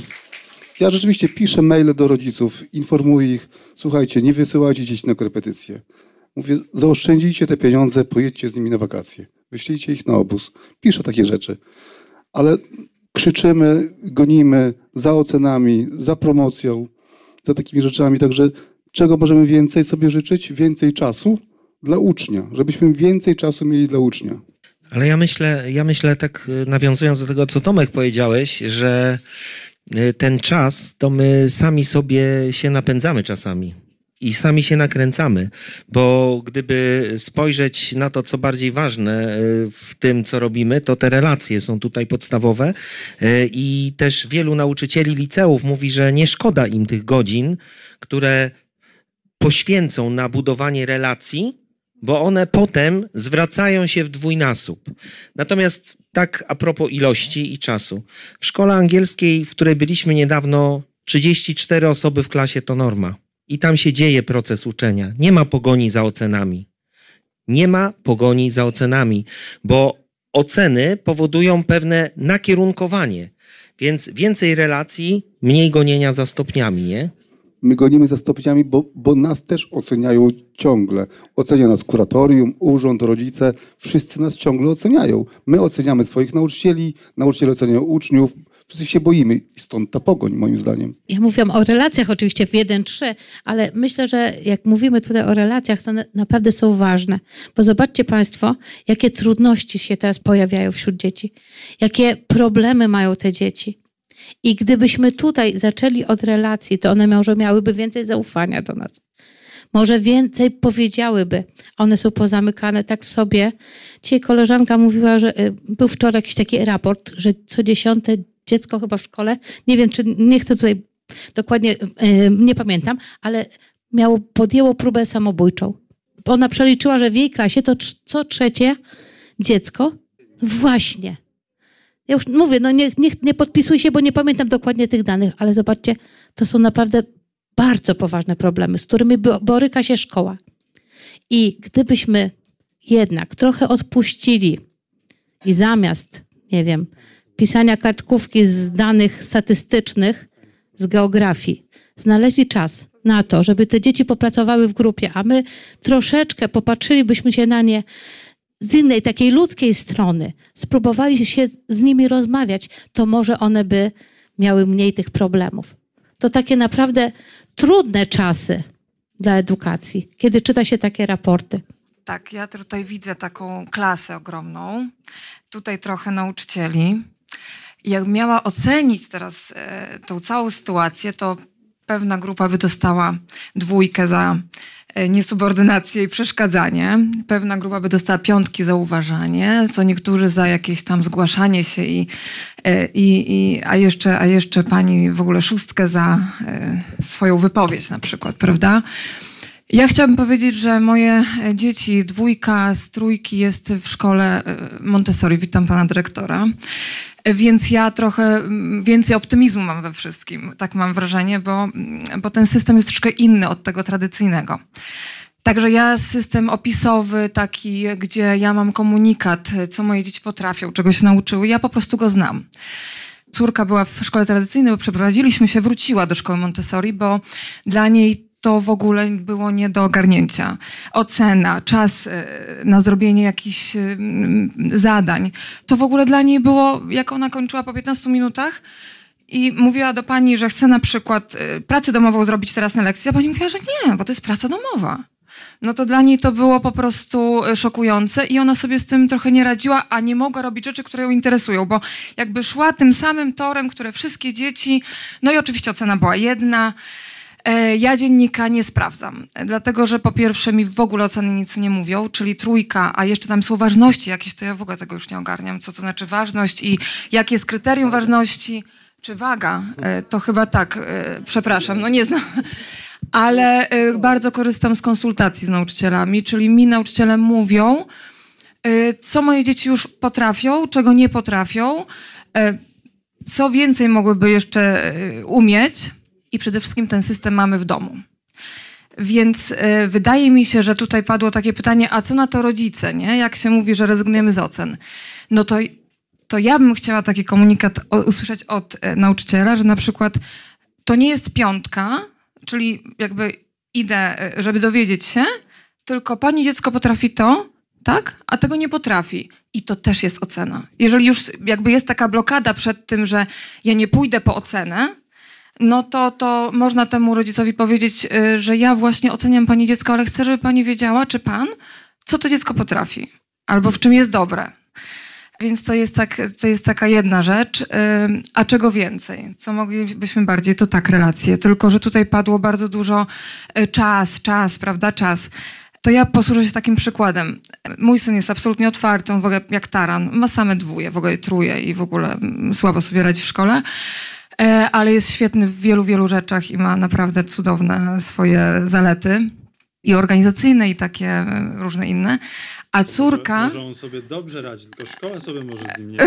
Znaczy, ja zawsze twierdziłam, że szkoła od, to od początku był problem. Jakby ja zawsze miałam problemy na zasadzie proszę do psychologa, proszę, bo, bo on był taki bardzo no, Inny. Inny. Tak, był inny. I powiem Państwu, że y, podam taki przykład i zaraz skończę. Pierwsza klasa, szkoła podstawowa, czyli dziecko ma lat 6. E, Bardzo wcześnie w szkole Montessori idą e, dzieci w w wieku 6 lat. Apel szkolny. No i dzwoni do mnie pani i mówi, że tutaj, prawda, trzeba przyjechać, porozmawiać, bo mój syn jako jedyny stoi na apelu. Stoją tylko nauczyciele i mój syn. Wszystkie dzieci siedzą grzecznie. No i że jest problem, prawda? No bo tutaj. A problem polegał na tym, że pani podeszła i powiedziała, żeby on usiadł. On powiedział, że nie, nie usiądzie. A pani powiedziała, że postawię ci uwagę. On powiedział, że może mi pani postawić 10 uwag, a ja i tak nie usiądę. No i wie pani, no pani dziecko tak tutaj. e, Ja mówię, a czy zapytała pani, dlaczego on nie chce usiąść? No ja nie mam czasu na dyskusję w ogóle. Ja nie będę pytała jakiegoś sześciolatka. Więc ja wróciłam do domu, mówię tak, słuchaj Borys, dlaczego ty nie usiadłeś? A on mówi do mnie tak, mamo, kazałaś założyć mi dżinsy, mi się kolana nie zginają i widać mi całe majtki. Prawdopodobnie, gdyby pani zapytała, dlaczego on nie chce usiąść, to usadziłaby go gdzieś pod ścianą, żeby miał komfort tego, że siedzi. E, Nie byłoby tego strachu z tymi tam e, uwagami. E, I od początku, i słuchajcie, tak jest do tej pory, ma 16 lat, jest w technikum i dostaje od niedawno uwagę, że przeszkadzał na lekcji. No, dla mnie, uwaga, w 16 lat przeszkadzał na lekcji. Kończąc, czas. Czas wcale nie wymaga od nas reakcji, w sensie jakiejś e, wejścia w taką, e, tylko wystarczy po prostu być. Słuchać. Moja córka, która jest zamknięta bardzo, a widziałam, że jakiś problem się pojawił gdzieś, czy w klubie sportowym, czy w szkole, to ja po prostu wchodziłam do niej do pokoju, siadałam na łóżku i ona coś robiła, ja po prostu siedziałam. I po kilku takich próbach po prostu ona zaczęła ze mną rozmawiać. Więc czasami wystarczy temu dziecku pokazać, czy uczniowi, że po prostu się jest. I to chyba tyle. Dziękuję bardzo. Pani dyrektor. Dla mnie najważniejsze w pracy nauczyciela to jest empatia i taka uważność. I to, to tyle. Czas, owszem, rzeczywiście jest bardzo ważny, tylko my tego ucznia poznajemy w różnych relacjach. E, ucznia, ale tak jak powiedziałam, rodzic skarbnicą wiedzy o dziecku. E, Kolejna rzecz, ja podam teraz taki przykład na to z mojego osobistego doświadczenia, na co moje dziecko zwróciło uwagę, jak przeniosło się z jednej szkoły średniej do drugiej. Mamo, tam jest taki pan portier, który mówi, jak nie będziesz mogła gdzieś trafić albo czegoś znaleźć, to ty do mnie przyjdź, ja ci pójdę, pokażę. Mamo, pani dyrektor spędza z nami czas na przerwach. Ona nie rozmawia ze mną, bo ja jestem nowa, ale ze wszystkimi. Ona wszystko o nas wie. Ten klimat szkoły, z naszej perspektywy tych wielkich rzeczy, my musimy osiągnąć wyniki na egzaminach, e, świetne oceny e, i, i uplasować się w rankingach, to to nie ma żadnego znaczenia. A to jest ważne dla dzieci. To buduje ich poczucie własnej wartości, to buduje klimat szkoły i te dzieci się przede wszystkim czują tam bezpiecznie. A to jest podstawowa potrzeba, prawda? Czują się dobrze ze swoimi nauczycielami, i ci nauczyciele nie mają trudności z poznaniem ich, bo one same przyjdą, jak potrzebują tej pomocy. Rodzic, oddając dziecko do szkoły, on oddaje całe dziecko i on nie oczekuje, że tylko w tej sferze edukacyjnej, o tu pani go nauczy tego, a tamta pani tamtego. On chce, żeby całe dziecko było zaopiekowane. A często my tę sferę psychiczną, to jak dziecko funkcjonuje, jak się czuje, zupełnie pozostawiamy. I ja apeluję do Państwa właśnie o tę uważność, empatię. Wielu z Państwa rzeczywiście tak, tak działa, tak pracuje. Ja zdaję sobie sprawę, że wielu z nas też jest trudno do tego przekonać, że zdarzają się szkoły, gdzie w klasach 1-3 są wystawiane stopnie. Te, te wagi, o których tutaj gdzieś już była mowa, które są w Że ogóle to nie... zbrodnia. Tak, w rzeczy samej, tak, ale taką mamy rzeczywistość. I to, co powiedział pan dyrektor, że jesteśmy oceniani, wszyscy jesteśmy oceniani. Tylko zauważcie państwo, czy my słyszymy codziennie, my jako ludzie dorośli, i czy chcielibyśmy usłyszeć coś takiego? Nie umiesz, to zrobiłeś źle, z tego ci nie wyszło, nie dostajemy komunikatu. Jak to poprawić, albo w czym jesteśmy dobrzy? Po prostu. W czym jesteśmy dobrzy? Mhm, Gdyby tak się odwołać do badań Johna Hattiego, który y, napisał taką książkę Widoczne uczenie się dla nauczycieli, to tam jest zestawienie takich badań edukacyjnych, takie metaanalizy i jeden z najbardziej skutecznych czynników, które wpływają na proces uczenia, to jest właśnie ta poczucie sprawczości i samoocena. Jeżeli my nie damy tej pozytywnej samooceny, nie stworzymy tego poczucia bezpieczeństwa, to cały proces uczenia kończy się na psychotropach. To tak jest. My to słyszymy, że są licea, gdzie 75% uczniów funkcjonuje na psychotropach, bo jest pościg za ocenami. Tymi bieżącymi ocenami, które zamykają proces uczenia, a nie kształtują. Dokładnie tak. E, Zresztą, co się dzieje, że dziecko, młody człowiek w przedszkolu, tak ciekawy świata, z taką ciekawością poznawczą, tak rozbudzony we wszystkich sferach i właściwie niczego nie bojący się, nie wstydzący, angażujący się we wszystko, stopniowo na kolejnych etapach szkoły podstawowej straci to werwę, zainteresowanie. Ja rozumiem, że to są też etapy rozwojowe i różne czynniki inne, ale ile z tej ciekawości poznawczej zabija szkoła? To już każdy musi sobie na to odpowiedzieć. Elu, czy twoje dzieci mają ciekawość poznawczą? Oczywiście, ale ja chciałam się jeszcze nawiązać do tego, co powiedziała Pani, że trzeba popatrzeć teraz też od drugiej strony, że skoro my poświęcimy ten czas na relacje, to czy przypadkiem nie odblokujemy tych dzieci, czy nie damy im poczucia bezpieczeństwa, które pozwoli im myśleć na lekcjach? No myślę, że nawet nie tak może być, tylko na pewno tak będzie. Czy nie spowodujemy to, że będą bardziej otwarci Ja ze swojej strony mogę powiedzieć, że jeżeli, że jeżeli chodzi o relacje, to najważniejszy jest mimo wszystko szacunek i to z dwóch stron, bo ja sama też widzę jako uczennica, że my jako uczniowie nie mamy do końca szacunku do nauczycieli. Wiele uczniów siedzi na telefonach, nie słucha nauczycieli, nie docenia ich pracy i jeżeli my chcemy, aby nauczyciele myśleli o nas jako o indywidualnych jednostkach, jako o ludziach, którzy, w których każdy ma swoje problemy, każdy chce mieć czas na jakieś swoje aktywności, my też musimy myśleć o nauczycielach jako o osobach, które mają swoje rodziny, chcą swój czas w swój sposób spędzić i którzy też się starają, bo oni nie potrafią od razu nas nauczyć tego, jak my chcemy być nauczani. Oni też się uczą, jak nas mają nauczyć, a my się uczymy, jak możemy z nimi współpracować. Więc myślę, że to powinno przede wszystkim wybrzmieć. I też myślę, że w procesie nauczania powinny być większy nacisk stawiany na poznawanie odpowiedzi. Nie powinniśmy mieć podawanych tych odpowiedzi na tacy. E, Nie powinniśmy czytać rzeczy z podręcznika i okej, macie suche informacje, nauczcie się z tego i będziecie mieć sprawdzian. Powinniśmy drogą dedukcji, drogą poznawania, drogą e, innych źródeł poza tą papierową, suchą książką poznawać świat. I to jest sposób, w jaki ja się sama uczę. Ja sama mogę się pochwalić, że jestem osobą, która ma najwyższą średnią w szkole. I z racji tego szacunku do nauczyciela, tego czasu, który poświęcam na skupienie na lekcjach, ja w zasadzie się nie uczę w domu. Tak szczerze mówiąc, a miałam średnią ponad pięć. Jestem studentystką, więc myślę, że sama jestem przykładem, że ten szacunek jest najważniejszy. Ale powiedziałaś bardzo ważne rzeczy o procesie uczenia. Bo to, co Ela, nie wiem, czy pamiętacie, co Ela powiedziała, w jaki sposób ona pracuje. Ile czasu angażuje się nauczyciel na zorganizowanie procesu? 20%. A uczniowie mają właśnie poprzez analizowanie, poszukiwanie, odkrywanie, autoprezentację, prezentowanie, współpracę z innymi dochodzić do wiedzy. To jest współczesny model uczenia się. I taki model jest zapisany w naszym prawie oświatowym.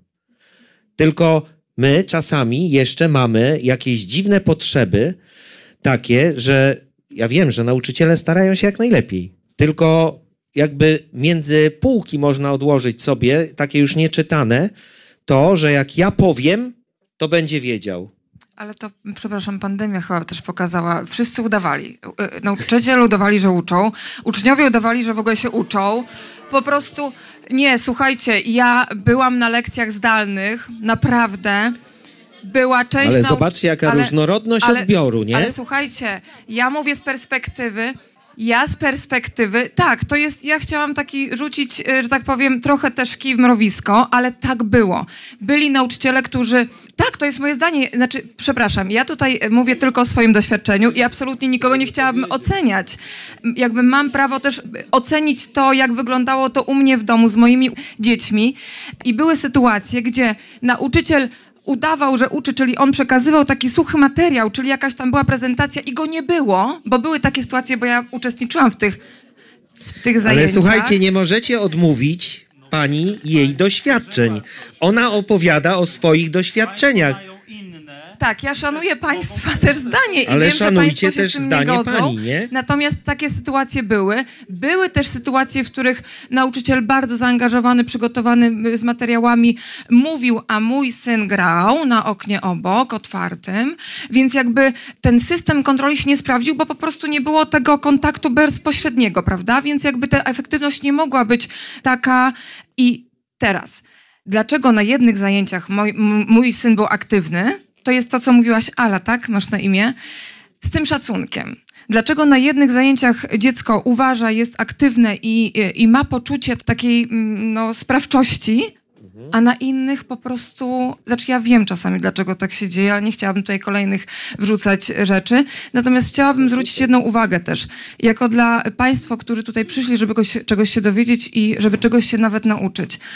To jest zawsze kwestia postawy. Otwartości, tego, że wy nawet jako nauczyciele, państwo nauczyciele też nie wiecie wszystkiego. Zawsze można się e, otworzyć na to, żeby się nauczyć.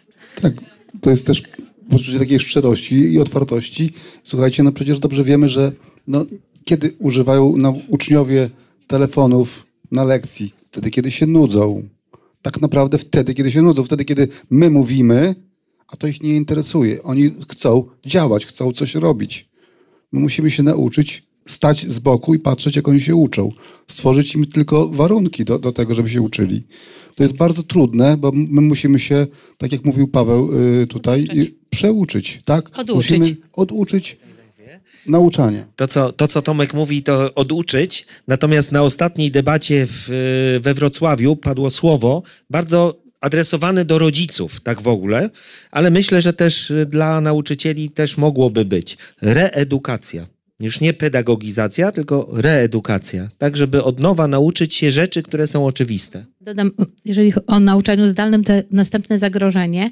Ostatnio, jak byłam na konferencji w Krakowie, pan profesor Pożalski mówił o sztucznej inteligencji i o tym, jakie zagrożenie za sobą niesie dla nauczycieli. Ale powiedział też ważną rzecz, że sztuczna inteligencja nie zastąpi nauczyciela w jednej rzeczy. Jaka to rzecz? Relacje. Ona rzeczywiście wiele może załatwić. Może pomóc uczniowi, może pomóc nauczycielowi, ale nie zastąpi nauczyciela w relacjach. Jestem rodzicem trójki synów, ale też e, mm, jeszcze dokończam realizować projekt z Islandią, czyli reprezentuję Urząd Miasta, który ten projekt jako jedyny samorząd w Polsce dostał pieniądze na projekt edukacyjny. Robiliśmy go we współpracy z Wydziałem Oświaty. Biuro Współpracy Międzynarodowej odpowiadało za, za pozyskanie partnerów z Islandii. I pamiętam, że mm, zastanawiałam się, jak, kiedy go zaczęłam pisać. y, Znaczy, ja od razu chciałam go pisać o relacjach. Nie dlatego, że miałam jakieś straszne doświadczenia ze szkoły, ale wydawało mi się, że to jest po prostu tak intuicyjnie bardzo ważna, ważny aspekt. I pamiętam, że jak pierwszy raz zapytałam partnera z Islandii, który pracuje w Wydziale Oświaty, powiedz mi, z czym kojarzy ci się szkoła twoich dzieci, a ma ich trójkę, to pierwszą rzeczą, którą odpowiedział, to było welfare, czyli dobrobyt. On mi mówi, że jakby on w ogóle nie kojarzy i jego dzieci, czy swoich szkół, nie kojarzył z niczym innym, jak z takim poczuciem dobrostanu. I w zasadzie od tego wyszliśmy. I konferencja, która y, odbyła się miesiąc temu, konferencja dotyczyła trzech, y, trzech tematów: kompetencje, komunikacja w szkole i przestrzeń jako niewerbalny komunikat. Przerosła trochę nasze oczekiwania w tym sensie, że było bardzo dużo ludzi chętnych i ona była na pewno pod, pod kątem dyskusji, no może nie wszystko było idealne, ale ona była jakaś, że zostawiała w ludzi, jedni wyszli wkurzeni, jedni pewnie zadowoleni, ale bardzo wiele maili, które dostaliśmy y, po tej konferencji było takich, że jakby to była okazja, w której zaczęliśmy o tym rozmawiać, że to była przestrzeń, dziękujemy za stworzenie przestrzeni do rozmowy i wydaje mi się, że pierwszą rzeczą, którą mi jako rodzicowi, już nie, nie pracownikowi urzędu, brakuje w tym ocenianiu, bo każde moje dziecko ma inny, inne doświadczenie szkolne, to jest, brakuje mi, nie będę oryginalna, relacji między mną, a głównie wychowawcą. Tego mi bardzo brakuje. I, I tego, że my się nie znamy. Potrafimy na przykład jako rodzice się w ogóle nie znać. Czyli nie stwarza się też takich okazji, w których klasa się poznaje, ale też poznają się rodzice. Tak? Czyli na przykład nie znają się nauczyciele, znaczy znają się wybiórczo, tak? Jeżeli jest problem z uczniem, no to gdzieś jeszcze się chodzi na konsultacje, ale my czasem nie tworzymy społeczności jako, jako rodzice, którzy gdzieś trzymają, są z tyłu nad dziećmi, a dzieci, y, no przynajmniej y, w wielu takich przypadkach, jak je znam, nie tworzą relacji między sobą i te, to się wszystko wylewa potem. To, więc tak naprawdę, no, po pierwsze, relacja i komunikacja, zwłaszcza jeśli chodzi o wychowawcę, nawet jeżeli jest to trudna relacja w postaci wielu uwag. To znaczy, ja nigdy nie podchodziłam do tego, że uwagi na przykład do dziecka są czymś złym. Podam przykład syna, który w, w ósmej klasie miał na 100 punktów ujemnych 90, w siódmej 99. Co tydzień się coś działo i co tydzień miałam telefon od pani wychowawczyni z SP22, cudownej wychowawczyni. Ona wręcz za nim latała, biegała, co się dzieje i, i dzwoniła do mnie. Ja korygowałam. Syn skończył z najlepszą notą w szkole, ósmą klasę. Wiem, że to był, jakby miał już potem w głowie swoją motywację, musiał iść do liceum, ale też pewien etap swojego życia gdzieś, nie wiem, coś się w nim, coś musiał w sobie, nie wiem, coś w nim wychodziło, tak? Tak. Y, powiem tak, że mi brakuje tego, że my czasami stoimy wobec siebie kontra, jako rodzice, nauczyciele nawzajem na siebie nadajemy, co wynika z tego braku czasu, bo my nie mamy zwłaszcza w liceach słyszę, że po prostu gonimy, gonimy, gonimy, nie można pojechać na wycieczki kiedy indziej niż, bo wtedy tu matury, to między dwa dni. To jest bez sensu. To w klasie 1-3 dzieci tyle wychodzą. W klasie 1-3 mojego dziecka, które jest obecnie w ósmej klasie, dziecko na przestrzeni trzech lat wychodziło 40 razy ze swoją wychowawczynią. 40 razy. Wszędzie. Do STS-u, robienie pisanek, cebularzy. Potem się to kończy. To jest po prostu dramat, bo te dzieci po prostu się uczą mimochodem, tak? Więc tych okazji edukacyjnych, które na przykład pani Wiesia Mitulska mówi, która była na konferencji, jest po prostu dla mnie za mało, bo one też pozwalają właśnie państwu ocenić dziecko. I kończąc na razie, to powiem to, czego mi brakuje. Wiem, że liceum to nie jest już jakby, może nie ten etap, ale mi w porównaniu z podstawówką strasznie brakuje od nauczycieli komunikatów takich, na przykład co się robi na lekcji i co się planuje jakby zostawia się to dzieciom licealnym, a te dzieci nie komunikują nic w domu. One po prostu czasami z nami nie rozmawiają. Też mają taki etap. I po prostu mam wrażenie, że czasem dobrze by po prostu wiedzieć, co robią, co, co jest planowane. No bo ja nawet nie wiem czasem, co sprawdzić z mężem y, jeśli chodzi o zeszyt, nie, nie wiem, po prostu... Dorosłe dziecko a... będziesz sprawdzać. No właśnie, w liceum. Bo to za duże dzieci, żeby tam sprawdzać coś. One same będą chciały sobie chyba to sprawdzić. To, to, taki jest taka książka, Myślę, tak. Pułapka nadopiekuńczości. To no właśnie, rodziców, właśnie. Nie? Myślę, że tak. Także nie przesadzajmy. Tak, za bardzo nie można kontrolować. Ale Natomiast... jestem dobrym przykładem tego, że nie zaglądam w ogóle, więc jakoś tutaj ja się... Powiem, ja powiem też, że ja jako rodzic y, już, jeżeli chodzi o szkołę średnią, to no nie wiem, może to był, był błąd pewien, ale w zasadzie to nie, nie, nie, a chyba ani razu nie zajrzałem do zeszytu w szkole średniej. Po prostu y, nie miałem takiej możliwości, y, ja ale szczerze mówiąc też nie miałem takich, szczerze mówiąc nie miałem też takich oczekiwań y, w stosunku do mojego dziecka, żeby mi pokazywało, y, co tam, y, co tam robią, robią w szkole. Natomiast ja, ja bym chciał jeszcze o, o, o tej y, właśnie, bo o tych relacjach mówiliśmy i tu jest takie pytanie, czego możemy zrobić mniej, Relacji na pewno powinno być dużo, tak jak to na początku powiedziałem, natomiast mniej może właśnie powinniśmy kontrolować. Ja bym zrezygnował z tego właśnie takiego nieustającego kontrolowania. Trochę właśnie e, myślę, że też e, ten problem w relacjach między nauczycielami a rodzicami też wynika z tego, że może próbujemy się za bardzo jak gdyby skupiamy się na tym kontrolowaniu siebie nawzajem. E, rodzice e, nauczycieli będą kontrolować, czy oni na pewno dobrze uczą, a z kolei nauczyciele będą kontrolować rodziców, czy rodzice wystarczająco dużo czasu poświęcają swoim dzieciom, tak? I myślę, że może z tego należałoby zrezygnować, właśnie też na rzecz budowania relacje, czyli po prostu takie zaufać sobie i podjąć, e, podjąć rozmowę. Natomiast na pewno bardzo ważne jest i wydaje mi się, że tu bardzo dużo zależy od dyrektora szkoły, żeby to dyrektor szkoły był też tą osobą taką bardzo otwartą na relacje, szczególnie ze wszystkimi stronami i z nauczycielami, i z uczniami, i z rodzicami. Ale nie tylko w deklaracjach, tylko rzeczywiście tak powinno być. Ja e, stworzyć taką przestrzeń. Ja powiem tak, ja się opieram na swoich doświadczeniach, więc powiem taką rzecz. Ja pracując jako dyrektor szkoły już, jako dyrektor szkoły, ale jako nauczyciel, nauczyciel też e, jak gdyby zawsze byłem bardzo otwartą osobą, ale pamiętam taką jedną rzecz. E, jak zostałem dyrektorem szkoły, to w gabinecie dyrektora szkoły, czy gdzieś tam na drzwiach, już nie pamiętam w którym miejscu, ale było coś takiego, że były godziny i dni, w których dyrektor przyjmuje interesantów. A ja czegoś takiego nie ustaliłem sobie, bo powiedziałem, że ja przyjmuję zawsze. Kiedy kto przyjdzie, a ja będę e, w gabinecie tego przyjmę i będę rozmawiał. Nie miałem ustalonych godzin. Wiem, że to było na początku niezrozumiałe, że dlaczego tak robię i nawet padło takie ostrzeżenie, tak, że, że pożałuję tego i na pewno kiedyś wprowadzę takie godziny, tak? Ale jakoś y, nie wprowadziłem. Może czasami rzeczywiście było tak, że miałem mało czasu dla siebie, bo jak w pewnym momencie rodzice uwierzyli, bo nie od razu tak było, bo jednak byli nauczeni, że do dyrektora nie można przyjść od tak sobie, i trochę czasu minęło, zanim uwierzyli w to, że rzeczywiście tam można wejść y, i, i, rzeczywiście porozmawiać w każdej chwili, kiedy, kiedy ten dyrektor jest. Nie to, że, bo żeby nie wyszło, że się tu chwalę, ale chodzi o to, że po prostu to jest bardzo ważny krok ze strony dyrektora, żeby był taki otwarty. I, I żeby to nie było tak, że tylko tak na początku, żeby miał ten entuzjazm, tylko żeby zawsze ten entuzjazm miał i podobnie w odniesieniu do nauczycieli, do uczniów. Jeżeli ta otwartość będzie, no to potem dalej można budować na tym, bo, bo jednak no dalej wracam do tego, że jednak te relacje, ta otwartość. Tak, te relacje. Pan kurator powiedział o bardzo ważnym, e, ważnej wartości, która e, przebrzmiewa. Ja bym chciał się ustosunkować do tej wartości i do tego, co Gosia powiedziała, ale to za chwilę.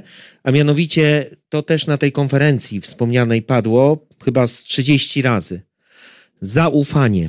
Zaufanie uczniów do nauczycieli, nauczycieli do uczniów, nauczycieli do rodziców, rodziców do nauczycieli i dyrektora. Szkoła dyrektorem stoi. I to dyrektor tworzy kulturę organizacyjną danej jednostki. I ta kultura organizacyjna jest taka, jaką sobie stworzymy. Bo często mówimy, bo taki system. Przecież ten system my tworzymy w danej szkole, w danej placówce. I to od tego, w jaki sposób my zorganizujemy ten proces, to działanie, to tak to funkcjonuje. I to zaufanie jest tutaj podstawą. Żeby ta współpraca była efektywna, to my tu gorąco reklamujemy, polecamy zwinne zarządzanie, bo ono gwarantuje tą współpracę zespołową. To jest coś innego niż zespoły przedmiotowe. To tak na marginesie.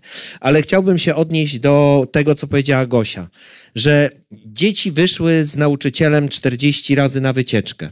Na wyjście na wyjście, bo uczenie, powiedziałaś, odbywa się mimochodem. I to jest właśnie clue, bo zastanówmy się wspólnie, kto to jest dobry uczeń. Kto to jest dobry uczeń? Czy ten, który przynosi piątki, grzecznie siedzi w ławce i słucha, nie zasługując na żadną uwagę? To tak ku refleksji, tak? Czy dobry uczeń to ten, który wspólnie w zespole klasowym potrafi zorganizować zespół i wspólnie dochodzić do wiedzy, przedstawić rezultaty, pokazać, zaangażować się pod czujnym okiem nauczyciela? Tak, oczywiście. No bo to jest właśnie taki uczeń. Ten model ucznia, który odtwarza treści z podstawy programowej, to nie jest dobry uczeń. To jest po prostu odtwarzacz. I teraz pytanie, kogo my chcemy kształcić? Ja mogę z czystym sumieniem powiedzieć, że z 60% szkół nie realizuje podstawy programowej. Z czystym sumieniem. I w każdej szkole jesteśmy w stanie to udowodnić. A wiecie dlaczego? Bo skupiamy się na treściach z tej podstawy. Zaliczone rozdział, dział, sprawdzian. Rozdział, dział, sprawdzian. Zaliczone jest. A gdzie są kompetencje? A gdzie są kompetencje? Nie mierzymy kompetencji i to jest nasz problem systemowy, a te kompetencje są celem kształcenia. O tym, że są te cele i kompetencje zapisane w podstawie programowej. tylko skupiają się na tym, co dotyczy jego przedmiotu, prawda? A te kompetencje są ponadprzedmiotowe. I wszyscy mamy je realizować i wszyscy mamy takie realizować, żeby ukształtować człowieka, który będzie żył w tym świecie, w którym teraz istnieje. I to jest naprawdę bardzo łatwe. Tylko trzeba wyjść z pewnego schematu. Wielu z tych piątkowych, przepraszam, uczniów, e, tak, szóstkowych, Państwo macie e, pewnie takich w swoich szkołach. Jest tak niezaradnych życiowo, że nie odnajdują się w najprostszych takich sytuacjach. Cokolwiek załatwić, albo nawet najmniejszą, naj, najprostszą formę współpracy w grupie podjąć, wykracza poza ich możliwości i kompetencje. Chociaż świetnie opanowują te treści podręcznikowe i podstawy programowej również. Mówił tylko o tym Ken Robinson, czy chcemy tworzyć profesorów akademickich, czy chcemy tworzyć ludzi, którzy będą normalnie funkcjonowali w społeczeństwie i ten rozwój społeczny jest najistotniejszy. Ja chciałem powiedzieć właśnie adwocem tego, co powiedziała wcześniej tutaj pani jako rodzic, właśnie żeby przestać trochę kontrolować te, te dzieci, bo w liceum oni kończą liceum, mają 19 lat, to są już dorośli ludzie, już oni mają sami o sobie decydować. My stawiamy na samodzielność w naszym liceum. Mam nadzieję, że w większości stawiamy na tą samodzielność i, i to z uczniem y, pewne rzeczy ustalamy, a nie z rodzicem. Oczywiście rodzice też informujemy, bo, bo dopóki są nieletni zwłaszcza, sam to powtarzam swoim nauczycielom, żeby wychodzili naprzeciw, jeśli są konsultacje, napiszcie do nich maila, zaproście ich na spotkanie tak, żeby to nie, to oni przychodzili, dowydywali się, tylko wy do nich napiszcie. Jeśli macie jakieś problemy, napiszcie do nich, porozmawiamy o tym. I, i to, to często powtarzam, tak? Jeśli chodzi o te wyjścia i budowanie relacji i w tamtym roku wpadliśmy na pomysł, żeby zorganizować tydzień naukowy. To znaczy tydzień dla uczniów y, bez lekcji, poza planem nauczania, tygodniowe obowiązkowe wyjścia na wyższe uczelnie, zajęcia, warsztaty, projekty. Przez cały tydzień to było. To oczywiście z różnym skutkiem. Pierwszy raz żeśmy to robili. Jedni się lepiej z tego wywiązali, nauczyciele, jedni słabiej, ale yy, zamierzamy to powtarzać, bo, bo jest to bardzo fajny, fajny model. Nie mamy takiej możliwości w szkole skorzystania z pewnych laboratoriów, to czego nie korzystać z tego, co oferuje miasto. A miasto jest miastem uniwersyteckim. Mamy kilka wyższych uczelni świetnie wyposażonych, warto z nich po prostu korzystać. I tą drogą idźmy, mówiąc, co możemy zrobić więcej, nie? Ale słuchajcie, bo się zakręciliśmy wokół tych relacji i one są najważniejsze i to jest prawda, bo to podkreślają wszystkie szkoły, które pracują bez stopni. Relacje, relacje, relacje, stop. Teraz może byśmy zastanowili się, co możemy zrobić inaczej. Nie? Bo jesteśmy w schemacie pewnym, co możemy zrobić inaczej, żeby to ocenianie, bo od oceniania nie, uci nie uciekniemy. My, wiecie, ten, to hasło szkoła bez ocen to jest prowokacyjne. Tylko chodzi o to, żeby to była ta ocena bieżąca, która jest informacją zwrotną. I o to chodzi. Bo my w życiu nie uciekniemy od ocen i to jest jakby oczywiste i normalne. Oceniamy siebie zawsze od pierwszego wejrzenia. Dlatego może zastanówmy się, co możemy zrobić inaczej, aby to ocenianie, które jest, pomagało uczniom w procesie uczenia się. Alicja. Ciężko jest robić coś inaczej, jeżeli od tylu lat siedzimy w tym samym systemie. Ciężko jest w ogóle wyjrzeć, think outside of the box, e, myśleć poza pudełkiem, kiedy od tylu lat, no ja już jestem powiedzmy te 11 lat w systemie edukacyjnym ponad, no i ciężko cokolwiek wymyślić, skoro ciągle jesteśmy w tym samym momencie życiowym. Ale myślę przede wszystkim, że należy zacząć robić inaczej od tych takich prostych rzeczy. Nawet samo usiedzenie inaczej ławek. Chociażby ja na lekcjach języka polskiego siedzimy w ławkach połączonych i siedział cztery osoby przy jednym stoliku i dzięki temu po prostu jest nam o wiele łatwiej chociażby robić notatki, bo my nie mamy dyktowanych notatek. My się uczymy na tekstach literackich, my sami musimy wyciągnąć swoje wnioski.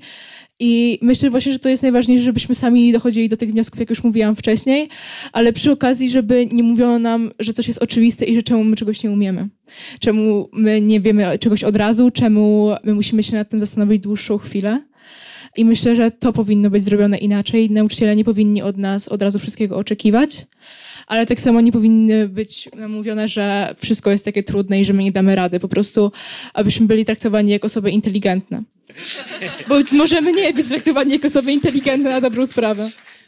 Ja mam taki postulat, czy możemy robić coś inaczej, kiedy na przykład są uczniowie, którzy mają y, złe oceny, mają na przykład zachowania e, złe oceny i mam wrażenie, że czasami oni po prostu już mają przyłożoną łatkę.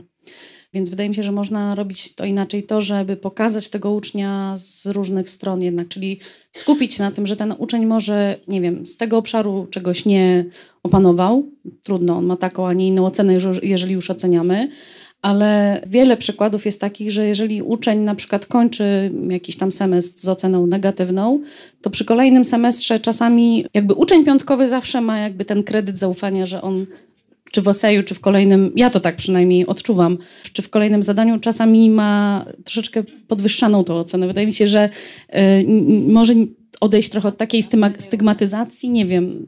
Tak ja myślę, że co możemy zrobić inaczej, to po prostu zlikwidować ocenę zachowania. I tu postulat do kuratoriów, żeby lobbowały w tym, w tym zakresie. Myślę, że bardzo mocno, bardzo mocno wybrzmi to w czasie debaty, którą powtarzamy w Wielkopolsce celowo, bo będzie to debata wspólnie z Uniwersytetem Adama Mickiewicza, gdzie profesor Sylwia Skulska, która zajmuje się jakby zachowaniem, tutaj taki postulat, że tak powiem, wybrzmi bardzo mocno.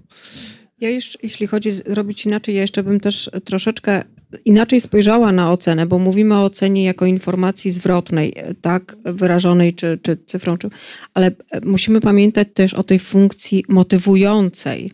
Więc takie przeformułowanie tej oceny, żeby ona stanowiła motywację dla ucznia, bo z pewnością piąta jedynka takiej nie stanowi i też nie świadczy tylko o uczniu, mam wrażenie. Tak? A, a tak, tak e, bywa również.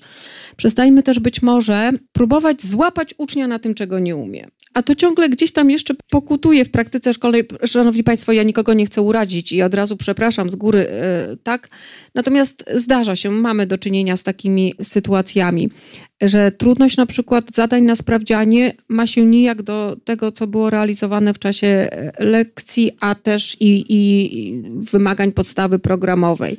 Że wielu nauczycieli nie potrafi wskazać, które treści z programu nauczania, który realizują, wykraczają poza podstawę programową, tak? I być może zrezygnować z nich, czy też uwzględnić to przy ocenianiu jeszcze raz, przepraszam, nie chcę Państwa urazić, nie mówię do Państwa personalnie, ale mówię o sytuacjach, które mają miejsce. A skoro mówimy ogólnie, co możemy zrobić inaczej, to myślę, że może warto też nad tym się zastanowić. Czyli Pani Dyrektor mówi, żeby wrócić do źródła, czyli do podstawy programowej, która jest zasobem celów, kryteriów które... Zdarzają się nauczyciele, którzy mówią, że realizują podręcznik. to myślę, że to jest to, co dzieje się powszechnie. Podręcznik, ale jeszcze gotowce, rozkłady materiału, nie? Ale tak samo też jak tu pan też zaczął od, od tego, jak w prawie oświatowym jest e, umieszczona ocena i jaką rolę pełni ocena, to prawo oświatowe też opisuje, jaką pełni rolę ocena i ona wcale nie jest zła. Nie jest zła i, i właśnie skupia się e, na tych e, rzeczywiście dosyć istotnych informacjach, które chcielibyśmy przekazywać i uczniom, pewnie i rodzicom. I gdyby rzeczywiście ktoś literalnie tak odczytywał, jak tam jest zapisane i tak traktował tę ocenę, to pewnie by w ogóle tej dyskusji dzisiaj tutaj nie było i nie byłoby tego problemu. Natomiast myślę, że tutaj bardziej chodzi o to, że, że to są pewne takie właśnie nawyki, przyzwyczajenia. I, i, i po prostu no, trudno, się, trudno się w pewnych środowiskach, o tak bym może powiedział, tego wyzbyć. I to, że w ogóle dyskutujemy na taki temat, to dobrze, no bo znaczy, że, że ten problem coraz większej grupie osób zaczyna doskwierać, skoro chcemy na ten temat dyskutować, tak? I to jest, myślę, dobry zwiastun, e, że coś może w tym obszarze się rzeczywiście zmieni. Słuchajcie, jest taki program profilaktyczny Spójrz Inaczej, nie? Tak, spójrzmy inaczej na podstawę programową i spójrzmy inaczej na zapisy dotyczące oceniania, ustawowe i te, które są określone w rozporządzeniu, bo tam mówimy o tym, że ma to pomagać, pomagać uczniom i pomagać nauczycielom zmienić metody pracy, żeby było to bardziej efektywne.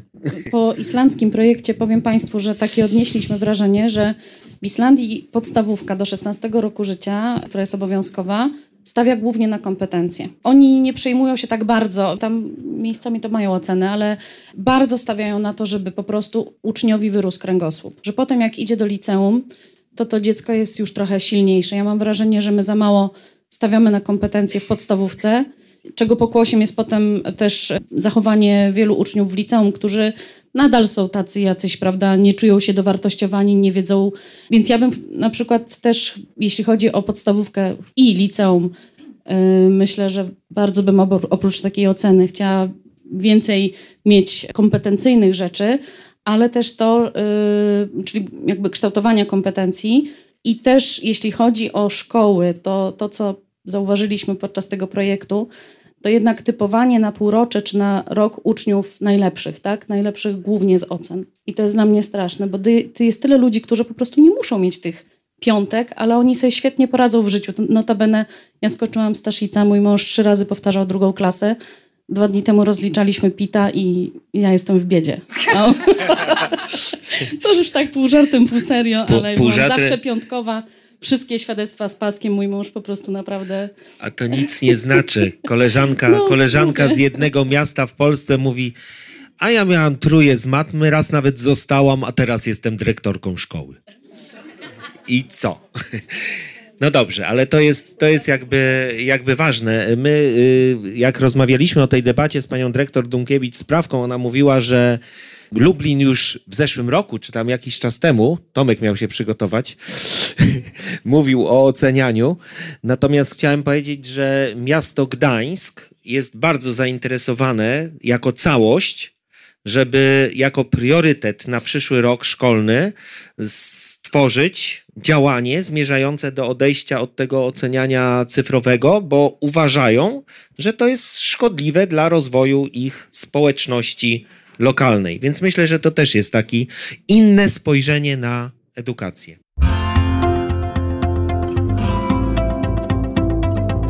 My, rodzice.